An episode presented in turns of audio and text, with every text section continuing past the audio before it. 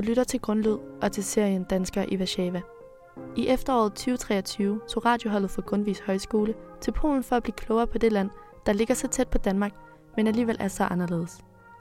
Vi mødte en masse forskellige polakker, men vi mødte også danskere, der af forskellige årsager har valgt at bosætte sig i Warszawa.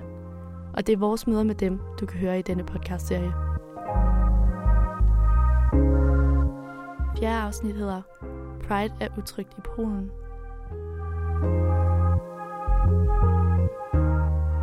Folk ligesom har sådan nogle udsagn med LGBT plus personer er pædofile, og en dame, der gik ind i os, eller rakte fuck til en pride.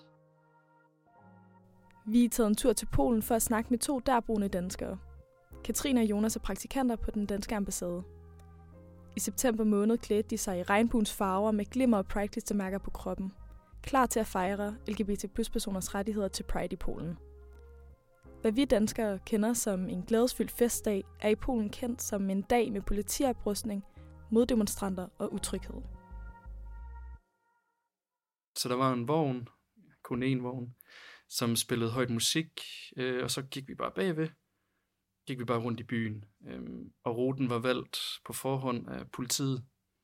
Der var jo selvfølgelig øh, moddemonstrationer øh, med religiøse folk, som mente, at det her LGBT, det ikke er, er i orden, øh, det her Pride. Øh, det var lidt specielt, så man følte sig lidt utryg, øh, og man skulle ikke gå ud i siden af fortorvet. Så var der rigtig meget politi. det var sådan en hel film nærmest at være med i. Katrine, er der en særlig episode, der gjorde indtryk på dig? Altså, det jo, vi var jo godt klar over, at man lige skulle passe på, og vi havde da også overvejelser om, om vi skulle have trøjer på på vej derhen, eller om vi skulle tage på derhen, og om man kunne beholde dem på efter Pride og sådan noget. Fordi at der var jo enormt mange, der viste deres modstand, altså ret fucked eller råbt ting efter Pride'en.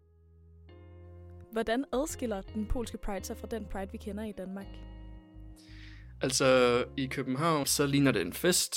Folk de danser, og der er højt musik. De drikker også.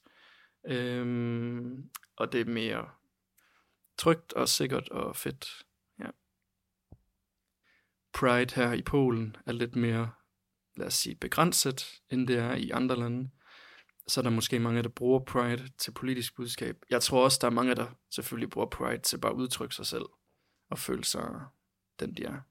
Nogle af dem der har jo aldrig kunne sige til nogen, at de var øh, homoseksuelle. Når der er Pride, så er det der, de kan holde deres kæreste i hånden på gaden. Altså det under Pride, det er der, man gør det. Katrine, du fortæller, at det er til Pride, at LGBT plus personer kan udfolde deres seksualitet. Men er det helt uden konsekvenser? Mange af de aktivister, vi snakkede med, har jo også vildt store personlige omkostninger ved at engagere sig i det. Altså, de bliver sagsøgt, og ligesom, altså, de kommer hele tiden ud i, i søgsmål, hvor nogle højre nationale ligesom ikke synes, at de skal have lov til at gøre det, så de prøver ligesom at få dem til at brænde ud ved at blive ved med at lægge sagen mod dem, og at, så de bliver chikaneret på den måde.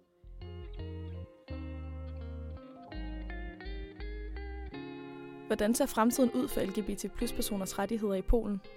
Selvom at man har hørt med LGBT plus rettigheder, er slet ikke er det samme som i Danmark, så er der jo stadig virkelig mange polakker, der mener, at det burde være som i Danmark, som hænger pride flag op, selvom at de bliver revet ned, eller øh, virkelig går på gaderne og kæmper for at holde prides.